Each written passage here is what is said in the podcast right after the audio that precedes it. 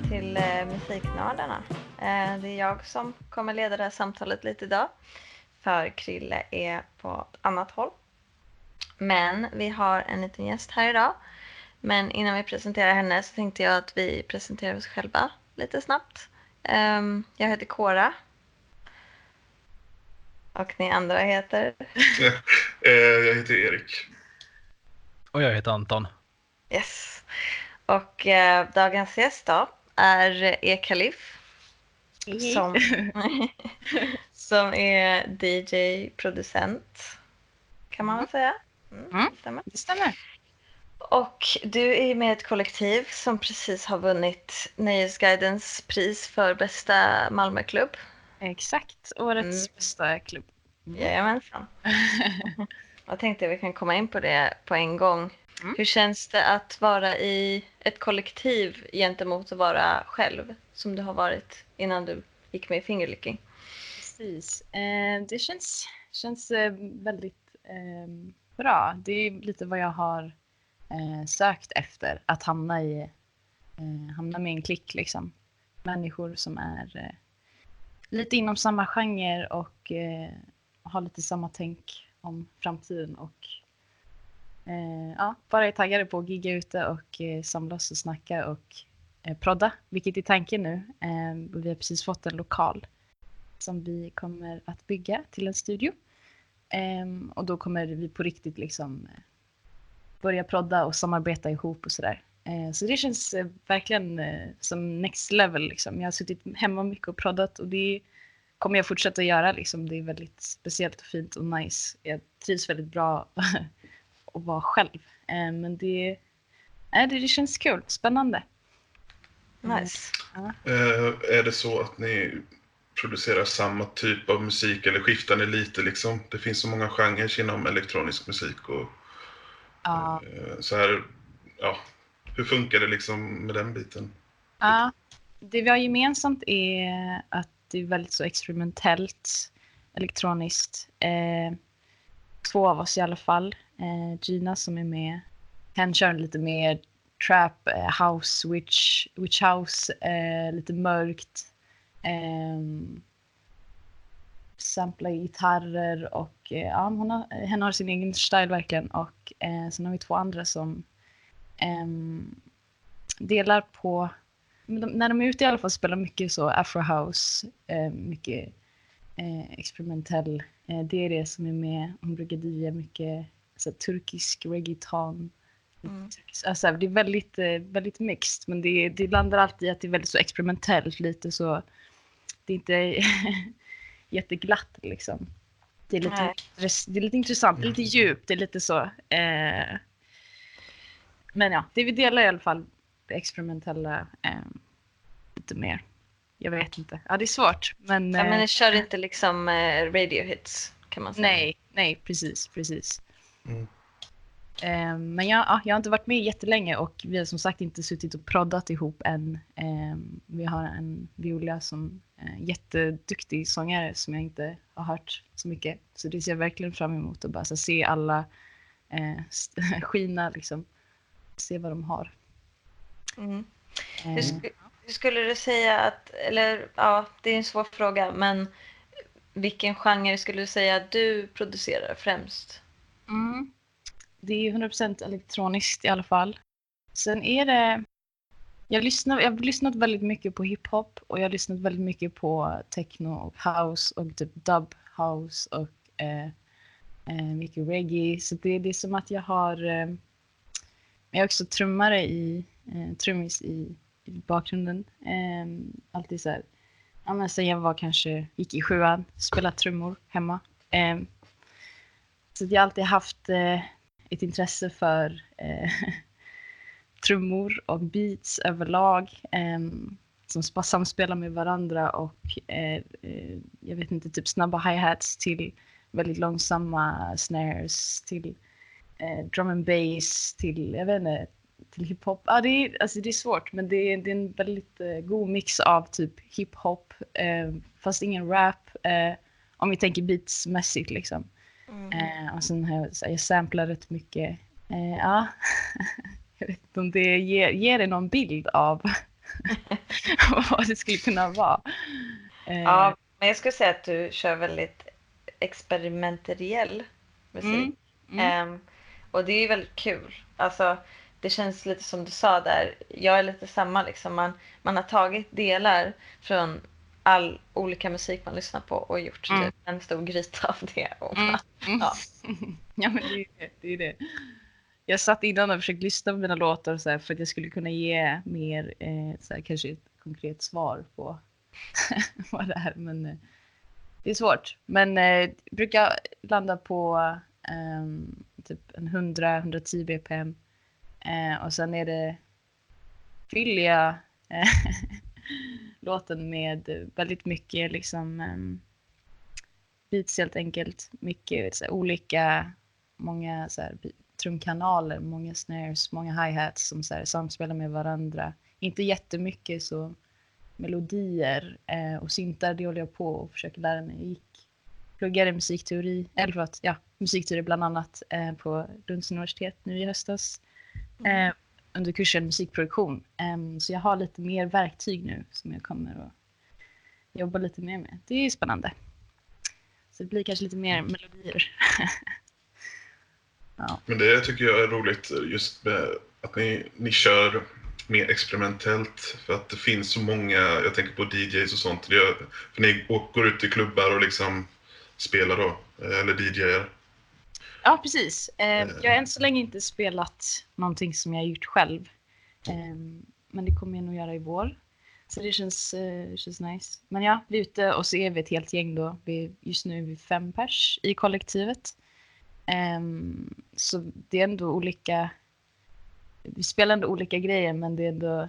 Ja, det funkar ihop på något sätt. Sist så spelade vi, hade vi Gina som spelade 80-tals remixer. Eh, jag spelade lite typ dub house, dub techno och eh, Deria och eh, Viola spelar någon slags afro house, turkisk reggaeton som sagt. Eh, så det, jag vet inte, det är, ändå, det är väldigt intressant att, eh, att kunna blanda så mycket. Jag tror att det är, är roligare för människor som är ute och klubbar också. Det kan bli, lätt bli väldigt monotont liksom. Eh, Mm. Det kan ju vara gött i sig också, men ja.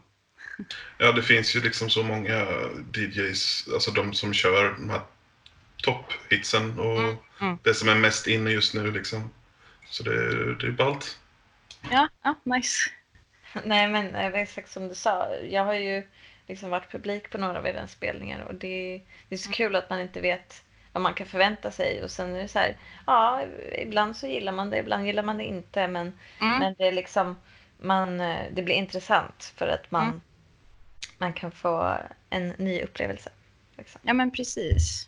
Det är helt gött att alla får verkligen eh, eh, spela ut sig själva på något sätt genom sin musik. Det är liksom, okej, den här personen spelar den här, den använder det skapar en uppfattning om personen i sig också kanske. Mm. Som Ja, verkligen. identitet som man kan ofta gör. Identifiera sig med sin musik. Som Mm. jag tror många av oss gör i vårt kollektiv. Som alla gör tänker jag, mer eller mindre kanske. Mm. Ja men det blir så, jag brukade DJa för några år sedan. Ehm, och jag gör det inte längre för att jag tycker inte det är tillräckligt kul. Men också kanske för att jag spelade väldigt mycket på lite mer kommersiella klubbar. Och då blev det väldigt mycket så att man fick den, de sa till en liksom, ja men spela liksom bangers eller spela dancehall liksom. Mm. Ehm, och då var det inte så kul längre för att det blev, det blev inget kreativt i det liksom. Just och det är det som är så fett att ni bara kör er en grej. Mm. Och det går bra liksom. Mm.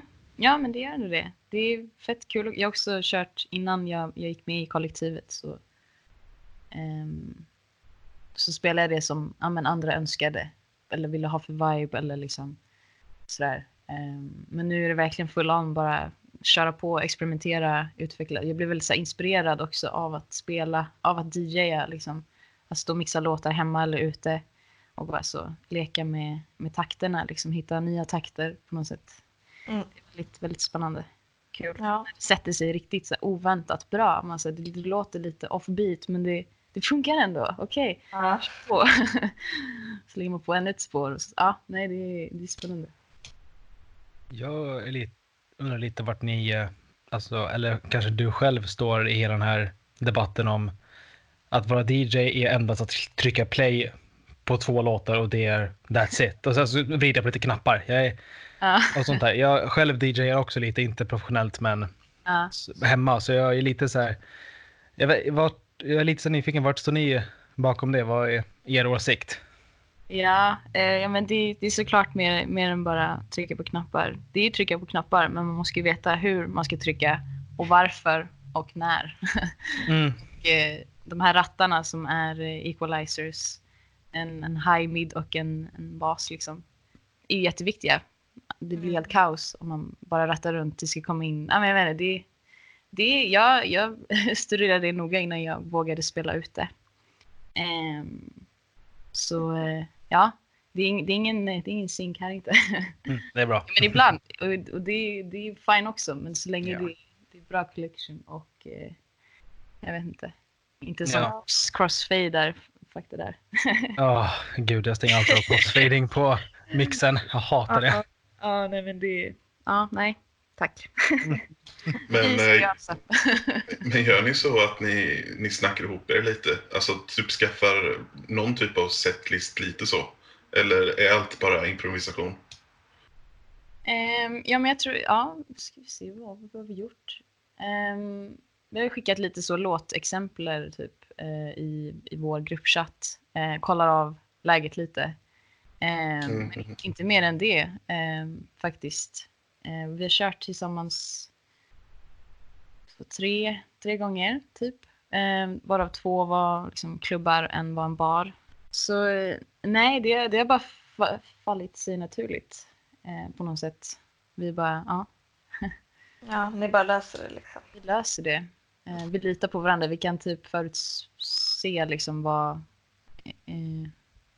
Jag menar, vi kör lite samma... Det är inte så att vi byter helt genre, alltså så här, genre helt och hållet. Liksom. Går från eh, så här house till reggae typ. Alltså det, vi håller oss ändå på hyfsat samma. Liksom. Mm. Men rör oss lite runt typ. Och så här, hitta nya låtar typ. Mm. Ja, men det som, som du, den här grejen som du nämnde Anton. ehm, det känns som en så här, väldigt så här, gammaldags åsikt. Eller så här, då har man ju inte varit en, en, eh, en DJ som faktiskt vill prestera. Eller typ så här, jag kommer ihåg, det var ju typ delvis därför jag slutade DJ. För att jag tyckte att det blev för mycket press, det blev för mycket jobb typ för mig. Ehm, för att det var liksom så här, sitta två veckor innan, hitta låtar, eh, anpassa dem till vilken tid man ska spela, vilken vibe det är på klubben, jada jada. Och sen att liksom öva in alla övergångar för att jag inte var tillräckligt erfaren för att, för att winga det på plats liksom. Utan Mm. Det var jättemycket jobb liksom för att det ska vara bra. Det, det är Mm. verkligen, eh, och ett kreativt arbete är det ju liksom. Mm. Ja, gud ja. Verkligen. Ja, alltså man måste ju någonstans ha någon typ av något hum av taktkänsla för att Mm. kunna DJ på, äh, in, kanske inte lära sig det, men att Ja, för att det ska bli enklare för en. ja. Ja, Men det Så är att det är ju, grundkravet ändå. ja, Ja, man måste exakt. kunna räkna till liksom, Ja, en, två, ja. tre, fyra liksom. Ja, Ja, exakt. men så fort någon pratar om DJing så kommer jag alltid att tänka på den där videon med, han, Joakim Lundell, när han ska visa att han kan DJa. Mhm. Den är ju för rolig. Inte sett. Nej. Nej, Ja. han står i bakgrundsspelaren och snack, snack, försöker så här snacka som att han kan någonting. Är det seriöst eller det är... Det är seriöst. Och han drar på två Okej. låtar, varav jag tror den ena är typ 128 BPM, BPM och den andra är typ 132. Mm. Han ändrar inte BPMen och försöker mixa in det och det låter ju... Ja, det låter som det låter. Det Ja, och det kontroversiella där var ju att han tog ju svin mycket betalt med som DJ liksom på klubbar och spelningar. Mm. Ja, det är så många som har kommit undan med det där. Jag fattar inte. Jag, ja, nej. Nej. Och en grej som man också så här, inte fattade förrän man själv hade DJat var så här, önska fan inte låtar. För att alltså det, dels är det en DJs jobb att, att göra eller så här, fixa viben. Liksom, så att Mm. ehm, det som spelas kommer att spelas. Liksom. Det är den personens jobb. Och sen är det så här, tror du verkligen att jag kan stå där och ladda ner låtar medan jag spelar? Ja. Bara spela Lägga- John Mayer! Ja. Ja, Och lägga pengar på låtar. Alltså många Ja. köper ju låtarna liksom. ja, ja, ja visst. Så att eh, kommer hundra pers och vill ha olika låtar man inte har liksom. Det blir dyrt. Ja. Så det kan ju Ja. funka typ på så här Harrys eh, klubbar kanske. Jag var på en O'Larrys i Kalmar eh, någon juldag för några år sedan och så hade de något dansgolv längst in och så stod en DJ där och så kunde man önska låtar. Men det var ju inte, en- alltså det var ju knappt någon där på dansgolvet så det var ju ändå, det var ändå nice men Mm. eh, ja. Mm. Men det Med finns ju undantag, DJ. DJ-controllers finns ju, nu, finns ju nu som är kopplade till Spotify. Eh, Mm. Jag har inte provat dem, men alltså det är inga, inga, inga sådana bra DJ-controllers. Men eh, typ till en pub hade det säkert funkat. Eh, Mm. Absolut. Pioneers nyaste, man säga, Ja, entry ja, level finns är ju kopplad till mobilen. Nice. Och den, jag tror till och med den är tråd, Eh, den funkar trådlöst och behöver inte ens vara inkopplad i du såg väggen. Senast när du spelade Den kan du körde du med köra på batteri helt och hållet. Mm. Eh, och förut har du kört med traktor. Mm. Eh, vilken föredrar du och varför? Mm. Ehm, jag har bara kört alltså, eh, CDJs från Pioneer och Mm. Traktor, en sån liten, en liten controller bara kopplat till datorn. Eh, med bara två däcks. Alltså, ja, det är det ju på en CD också. Men eh, eh, usch, jag var riktigt nervös första gången jag skulle gå över till eh, CDJs och spela på Moriskan. Eh, första gången på klubb. Första gången USB. Eh, Ja. Eh, det är väldigt svettigt. Ehm, men det är också så svårt att liksom se det är liksom två små skärmar som är väldigt långt ifrån varandra. Så liksom, så här, ja, man får vara rätt så fokuserad och eh, man kan ju underlätta för sig själv.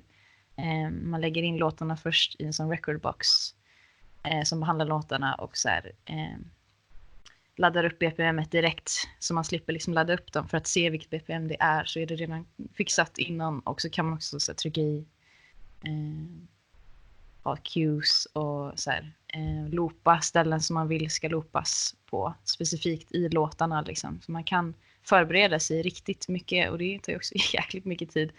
Eh, men då kan man bara trycka i det sen på man trycker igång direkt eh, på de här hot cuesen, typ om det är ett jättelång, jättelång intro som man inte vill ha med men man vill ha med droppet typ så, så cuear man där. Eh, och så, så sätt är det ju nice men det kan man göra på eh, eh, traktor också. Mm. Men då har man liksom spåren framför sig och så ser jag dem i min dator. Eh, så det, det är lite annorlunda, det blir mycket enklare. Eh, men också mycket smidigare eh, att köra CDJs och med USB. Ja. När man väl kommer in i det så är, så är det, det är gött. ja, man behöver inte ha med sig liksom hela packet liksom. Dator, controller, sladdar och grejer. Nej, jag har också väldigt mycket grejer på min dator så det är så jag måste tömma det först innan jag ska kunna... Ja, jag inte. Det kan bli mycket Ja, överladdat liksom. så, så egentligen så är det kanske smidigast med CDD. CDD. Ja, ja men 100 procent. Jag är Ja. såld på det. Innan var jag väldigt rädd för det. För det så, ja, det så, mycket mer liksom.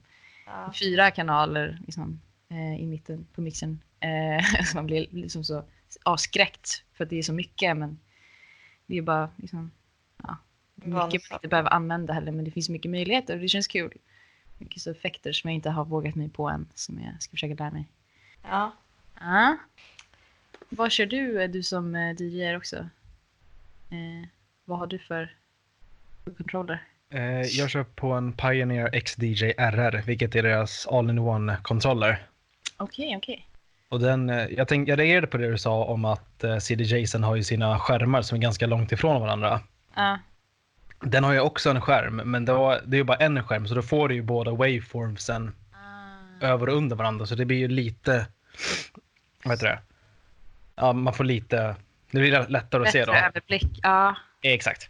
just det. Ja, nice. En min kollektiv har en sån med en Mm. skärm i mitten. Det är, det är riktigt gött. Perfekt om man skulle säga. Man kan ju ta med den enkelt till bara också.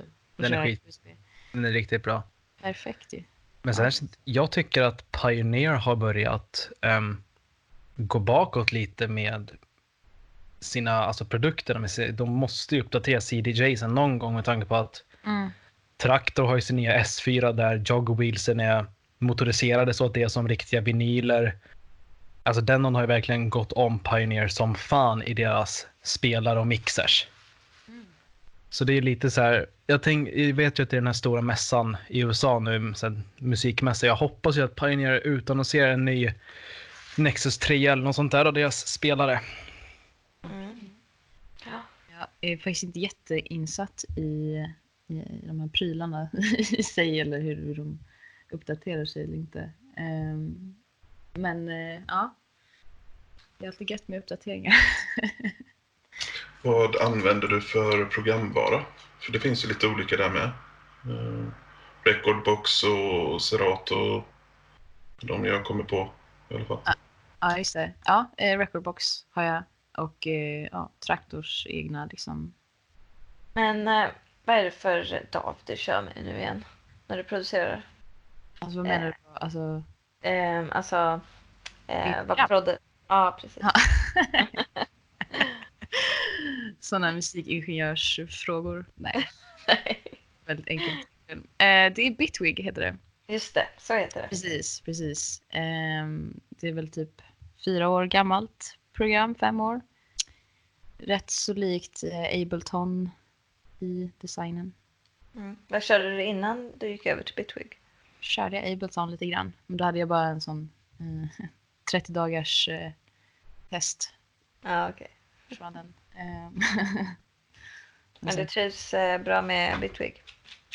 Det gör jag verkligen. Ehm, det har funkat skitbra. Jag har också fått väldigt mycket hjälp av en kompis, um, Albin, a.k.a. Slowface, som eh, har varit lite som en musikmentor för mig. Ehm, så tack vare det tror jag så har jag kommit in i det väldigt bra. Annars så hade jag nog suttit och varit väldigt frustrerad och så här, kollat YouTube-klipp hit och dit. Det har jag gjort oavsett, men eh, att få så här, muntlig hjälp och så här, att någon visar en hur man, hur man går tillväga och vad som är vad. Eh, hjälpte verkligen. Det, ja, nej, det, det, jag gillar det. Jag har inte så mycket att jämföra med förutom typ Ableton 30 dagar. eh, det, det är väldigt enkelt. Det läggs upp direkt. så Alla, alla nya kanaler läggs upp i en ny färg så det blir, ser väldigt fint ut. Eh, och det är väldigt enkelt. Eh, vi pluggar ju också just nu, jag, Erik och Anton. Mm. Och du har pluggat precis avslutat dina studier. Mm. Ehm, tyckte du att, ja, men vad har, vad har utbildningen gett dig? Alltså om man tänker, är det värt att plugga musik på, på universitetet liksom? Just det. Ehm, ja, om man eh, gillar tentor och böcker och... Nej men... eh, jo men det, jag tyckte ändå att det var bra. Eh, det, var, det är mycket teoretiskt och vi hade en studio, det finns en studio eh, på universitetet Lux i Lund. Eh, men det, fick- man fick bara använda det till så här, eh, skolprojekt och det var bara i, i grupper som vi hade projekt. Vi hade till slut eh, en så här, praktisk tenta, man gjorde det själv men då satt man ju bara hemma typ och trådade ihop något, det gjorde jag i alla fall. Ehm, eh, så det, det var inte jättefritt och tråkigt att man bara fick använda det till så här, skolprojekt. Annars hade jag, jag vet inte, man har experimenterat mer. Väldigt nice att eh, ändå djupdyka i produktionen sådär. Just vad gäller mixning och mastering. Eh, det har verkligen hjälpt mycket och så här, fått stor respekt för det och eh, fått mycket så, ah okej, det är så man gör för att få den här känslan. Men det så här, panorering har verkligen eh, eh, varit en grej som jag har upptäckt. Och eh, ja, men det har blivit mycket skillnader nu från nu och innan jag proddade. Det blir väl så. Jag fattade inte innan varför mina låtar låter så himla lågt. Typ så varför jag höjer och höjer, gainar och gainar och gainar. Men det händer liksom inte. Det blir inte bra. Det blir bara så en klump av ljud. Ja. Eh, så, så där har det verkligen hjälpt mig att bara så se hela ljudbilden. Det gjorde jag inte riktigt innan och så här, ja. Det har varit fett också musikteori eh, som jag visserligen fasade över eh, väldigt matematiskt men eh, till slut it makes sense och eh, jag känner mig lite så inspirerad. Som sagt. Men var det ett program eller var det kurser du plockade ihop själv eller hur var det upplagt? Liksom? Ja, det, är- det, är en fristående kurs. Eh, 30 poäng, heltid, 100%. Eh, finns en fortsättningskurs också. Typ nu. Jag ska inte gå den eh, för jag har för mycket att göra helt enkelt. Känner inte att jag behöver det just nu. Men eh, ja, Det var fyra delkurser. Eh, musikproduktionshistoria, musikproduktion och musikteori. Och sen, ah, förlåt, tre stycken. Så. Mm. Men det är ju faktiskt ganska, alltså rätt bra upplägg så egentligen att det är 30 poäng och sen finns det en fortsättningskurs så man Mm. liksom kan göra det när man känner att man har behov av det. Ja, men precis. Det är väldigt bra ändå. Det är rätt så perfekt. Det var väldigt, väldigt så grundligt. Eh, ja, det är en grundkurs liksom i musikproduktion. Eh, så det, det är nice om man vill ha lite bredare förståelse för vad det innebär, alltså som producent och eh, musiker, alltså olika sätt man kan, eh, kan göra musik på och eh, musikbranschen i sig och eh, ja, olika ackord och så vidare. och historia. Men ja, det är ändå overall ganska nöjd. Det är också första gången jag pluggar någonting överhuvudtaget efter gymnasiet. Så det känns nice. Men vill man ha, komma åt en mer praktisk och liksom jobba praktiskt mer så skulle jag nog inte rekommendera den. Men det beror på vad man gör med det sen. Jag kommer ta med mycket från det och bara så. Jag är så peppad på att applicera det i mitt i mina produktioner nu i vår. Så att, eh, ja.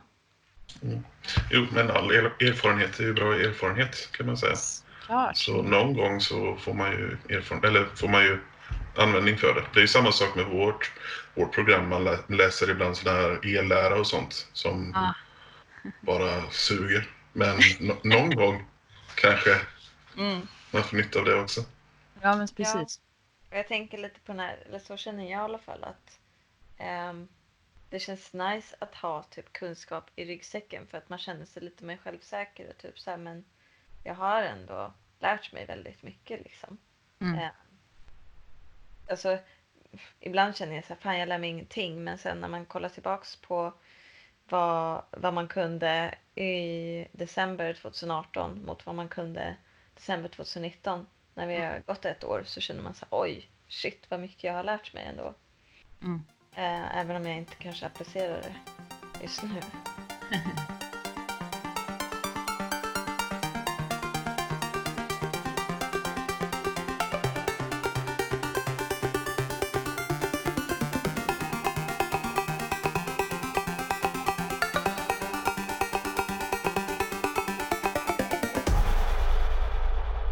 jag tänkte lite på hur brukar du, när du sätter dig ner för att producera, hur brukar du börja? Hur kommer du igång liksom? Mm. Mm. Det beror på eh, om, om, eh, om jag har en, en slinga i huvudet eller ett beat i huvudet. Eh, eller om jag tittar på en film och vill sampla vad någon säger i huvudet. Det blir olika hur jag börjar men Jag brukar nog oftast börja med en så här kick för att liksom sätta ut ja, men tempot. Liksom. Men oftast så eh, låter jag bara det flyta på och eh, eh, genom mina misstag eller så här, slumpen så, så blir det någonting. Att jag så här, klickar runt och så, så blir det något konstigt och så råkar jag klippa någonstans eller så och så duplicerar jag och så blir det något konstigt och så, så kanske jag drar ifrån. jag menar, jag klipper och klistrar väldigt mycket för att komma åt eh, det, det jag vill ha. Mm. Inte så att jag bara sätter ut, då har vi en kick där ja, och så, så kommer hi-haten där och så, så var det klart typ. Utan det är mycket sitta och trixa och, och testa och eh, sådär. Um, ja, sitter mycket i Splice, ehm, um, som min ljudbank, kollar nya ljud, samplar något roligt eh, eller rippar något från Youtube. Ofta så har jag kanske blivit inspirerad av någon artist, eh, producent som eh, men, eh, gjorde en intressant basslinga eller ett intressant beat som jag försöker efterlikna och så blir det något helt crazy av det. Mm. Så lite, lite så ser det ut. Nice. Vad, vad är dina favorit-DJs och producenter? Alltså som du typ ser upp till eller följer och så? Mm.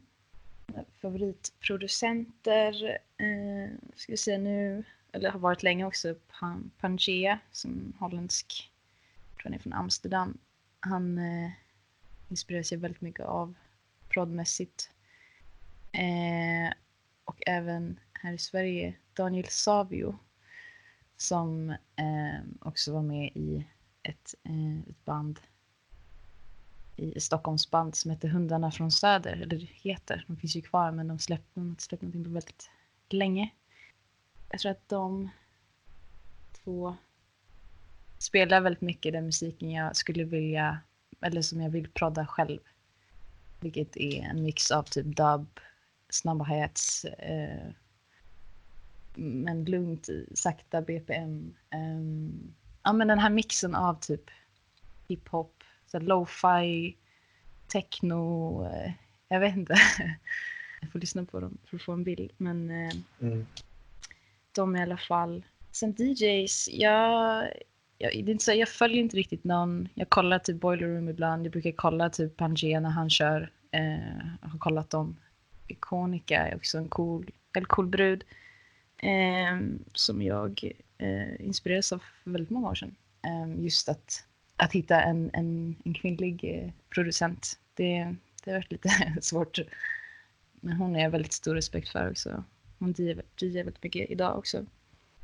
Också lite den experimentella genren av elektronisk musik. Um, mycket bas. Nice. Men eh, ja, Mm. Gött. Får man kolla in. men gör det. Har ni någon ni följer? Så DJ, någon som DJ är? Jag vet inte, jag gör inte riktigt det så aktivt. Nej, alltså jag, jag gillar väl, jag tycker väl Dylan Francis, men det är väl mest för att han är rolig. Typ. Rolig på Youtube och hans sociala medier och sånt. Eh, han verkar vara skön. Sen gillar jag Diplo också, men det, alltså båda de är ju väldigt mainstream och sånt. Mm. Eh, eller så. Men eh, ja, jag, jag gillar dem. Det är typ de enda två jag faktiskt följer kan man säga. Eller följer Mm. på med, sociala medier och så. Och kollar lite på Youtube. Mm. Men annars, jag, jag DJar ju inte själv. Jag har liksom en DJ-controller och, Mm. och gör det för skojs skull hemma och försöker liksom bli bra. Men Mm. jag har ingen aspiration. As, jag aspirerar inte till att bli det. Så det är mest för att ja, de är balla, de två. Mm. Ja men nice. Eh, Jag är väldigt in- in- inspirerad men en DJ som jag ty tycker är väldigt bra, enligt mig en av de bästa, är jag vet han, A-Track. Då han är ju, som säga, han tillsammans med DJ Snake är en av de få som fort, stora som fortfarande kör vinyler när de DJar. Mm. Och han är ju kung på att scratcha och flippa låtar. Hans YouTube-kanal och hans flips är amazing. Okej, ja fett. Men annars är mainstream är väl, ja. Jag vet inte riktigt. Martin Garrix, han är bara skön, men eh, jag har faktiskt ingen, ingen aning. Nej, jag känner inte igen någon av dem. A-Track känner jag igen. Han är Mm. producent också va? Ja, det är det. Han, När jag var inne i min så elektroperiod så lyssnade jag på, ja, tror jag. han, har gjort, han har gjort ganska, han har varit med i gamet ganska länge så vitt jag vet. Ja, ja. Ja. Mm, alla de vi nämnde är ju typ, ja, vad ska man säga, 50-50 nästan, producent och DJ. Mm. Eh, Det blir ju så med de här producenterna. Att, Mm. Alltså om de vill ha en artistkarriär så blir de ju DJs nu, nu för tiden. Och, så Mm. här.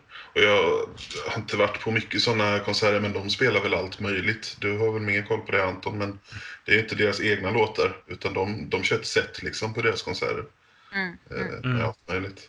Alltså det är väldigt sällan att en, att en DJ kör 100% sina egna låtar. Den enda jag har sett som gör det är Martin Garrix. Han är den enda jag har sett som har kört 100% sitt egna. Mm. Men alltså det är ju alltså det är ju inte bara, som Erik, Er- som Erik sa, det är inte bara elektronisk musik. Vad fan, när jag såg Dimitri Vegas Like Mike på Aviciis hyllningskonsert, då fick de hela Friends Arena att sjunga med i Bohemian Rhapsody. Oj, shit. ja, men det är mäktigt. Mm. Nej, jag följer inte så mycket DJs just ehm, faktiskt. Ehm, nej, det ska jag inte säga. Eh, Jag gillar ju Branco väldigt mycket. En Mm. Det. ehm, portugisisk, jag tror han är från Portugal, ehm, producent och DJ. Vi var ju, jag och Elise var och såg honom när han spelade i Lund. Väldigt, väldigt grym. Men han spelar mycket, jag tror att han spelar mycket egna produktioner, men jag är inte helt säker. Mm. Det är inte lätt att säga. Mm. Ehm, ja, nej men det är väl den enda typ. Jag skulle säga att jag följer nog mer ehm, liksom lokala DJs här i stan, liksom, i Malmö. Det finns väldigt många intressanta kollektiv. Eh, brukar jag försöka gå på Alley Cat. Eh, eh, kollektivsfester brukar jag på inkomst. Eh, där har de väldigt många intressanta DJs i, i kollektivet som jag har inspirerats av väldigt mycket. Speciellt eh, Josefin Hellström Hansson som har DJat fett mycket ute i Malmö. Många svartklubbar och så här, upptäckte henne när jag flyttade hit för typ sex år sedan och bara så här, shit vad tung hon är. Hon bara gör det och hon, jag menar, jag blev inspirerad av henne och följt henne sedan dess typ. Lite så. En Malmö-idol för mig. Ja. ja, alltså det finns ju Malmö är en så himla bra stad för musik för det finns så ett så rikt musikliv trots att det är en väldigt, eller väldigt, men det är en liten stad liksom. Mm. Så finns Mm. det så mycket och det är kul liksom att man på något sätt följer alla. För Mm. att man känner igen namn och liksom sådär. Precis. Ja, det blir garanterat bra också. Eller så, man kan försäkra sig om att okej, det är de som spelar ute. Nice, det kommer bli en bra kväll. Låt oss dra dit. Typ. Exakt. Det finns ju något för alla liksom. Man, jag har bott i Malmö för några år sedan. Eh, och jag saknade lite att det finns något för alla, eller alla typer av vad man nu gillar. Och Köpenhamn också är så jäkla nära ju. Ah. Så alltså man kan ju, man åker ju, en utekväll kan ju bara vara att man tar tåget till Köpenhamn och Mm. hem liksom. Så det är Mm. skitsmidigt. Mm. ja, Ja. det är perfekt. Det har man gjort många gånger. Ja, Köpenhamn är också, alltså jag har spelat en gång i Köpenhamn och det var lätt den bästa spelningen jag haft för att folk har en väldigt annorlunda mentalitet. Folk liksom vill höra musik, de vill typ så interagera med, med musiker. Då körde jag ju live liksom, inte DJ, men, men det känns som att folk är mycket mer eh, I Sverige känns det som att folk kan vara väldigt så här, ja låt oss se vad det går för då. Alltså den attityden. Ah. Medan där kändes det väldigt så här, alla bara wow! Kanske Det känns som att det överlag är lite som mer wow. Ja. Nej men, eh, ja, men så kan det kanske vara. Jag har aldrig spelat eller erfarenhet. Nej, det var väldigt tacksamt i alla fall. Vad kul. Eh, kanske inte alltid är så, men, men Ja. i Sverige känns det som att det är alltid en svår publik. Liksom. Mer pretentiös publik kanske. Ja, 100 procent. Ja. Ja, synd. Mm. Men det är tur att vi bor nära. Ja, verkligen. En ynnest. Ja, nej men eh, vi kanske ska avrunda lite då. Men eh, innan vi gör det och säger hej då så tänker jag att vi gör som vanligt och alla får tipsa om en låt eller ett album eller sådär. Mm. Ehm, så du Elise kanske vill börja? Eh, jo, men jag skulle nog vilja tipsa om eh, Iconica som jag nämnde.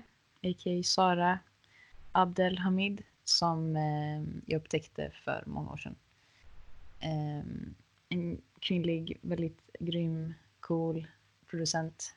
Och eh, från hennes album som hon gjorde 2012 tror jag. Så gjorde en låt som heter I Make Lists. Som eh, ja, jag har lyssnat på av och till sen dess. Ja, den låten eh, satte igång mycket i mig i alla fall. Eh, den är, förutom att den är fet. Så att, eh, det, är min, det är mitt tips. Iconica, I make lists. Jag tänkte tipsa om en artist som heter Corbin som jag hittade genom att jag på ren flax hittade en artist som heter Spooky Black. Och så kollade jag upp eh, vem Spooky Black var och så på Wikipedia och sånt liksom för jag ville veta mer. Och då visade det sig att Corbin är Spooky Black men, han bytte namn för, för att han tyckte att hans namn var lite dumt helt enkelt. Det var inget ballt namn tyckte han. Så han heter Corbin nu. Eh, och han gör lite så här mörk, lite hiphop-aktigt, eh, väldigt speciell, ganska djup röst.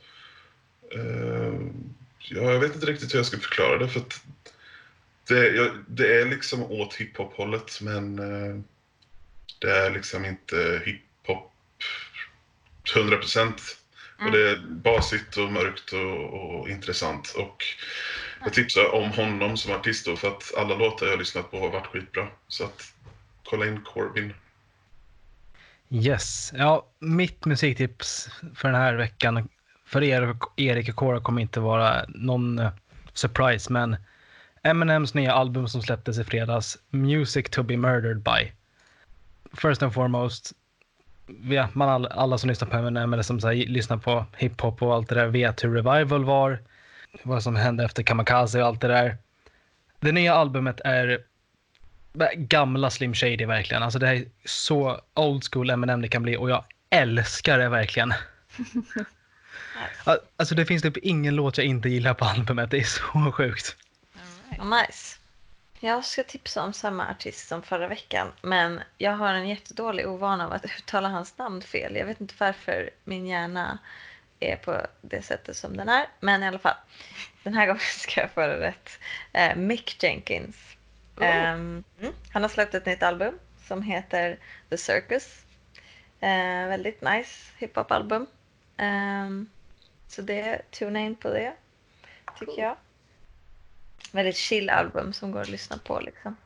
Mm. Eh, hemma och sådär. Mm. Så, Nice. Tack för det tipset. Tack för alla tips. Sen tänkte jag också innan vi lägger av att du kan, ja om du har något, vad, ja, berätta, eller var hittar man er liksom? Dig och Fingerlicking. Just det. Ehm, jag och Fingerlicking finns på Soundcloud. Eh, jag under e-kalif och Fingerlicking under Fingerlicking helt enkelt. Och där lägger vi ut, eh, där ligger bara mixaren så länge eh, som vi har gjort. Ehm, vi finns på Facebook också, Fingerlicking, Instagram ehm, och även jag, e-kalif på både Facebook och Instagram kommer släppa en låt eh, på tisdag tillägnat min storebror. Eh, så håll ögonen öppna helt enkelt. Det kommer bli en väldigt rolig låt. Jag har samplat eh, en del från filmen eh, Gone in 60 seconds, om ni har sett den, med eh, Nicolas Cage som är en biltjuv. Mm. Och hans slutliga mål är den här Eleanor som är en Shelby GT 500. eh, ja. Den, den är jävligt fet. Eh, så lyssna på den när den kommer ut på tisdag helt enkelt. Det är väl det jag har att säga. Och vi länkar ju givetvis också i beskrivningen här så att eh, folk Ja. hittar enkelt. Kul, gör det. Okej, men eh, då får vi tacka för oss och tacka för det här avsnittet och sist men inte minst tacka er Kalif som Ja. var med. Ja, tack så mycket för att Tackar. du var med. Tack, det var riktigt kul. Gjorde min eh, podcastdebut. Så att, eh, ja, tack för det. Eh, får ha det så bra Ja, så ha det bra. vi. Vi ses. Ha det bäst. Ha det bra. Hej då!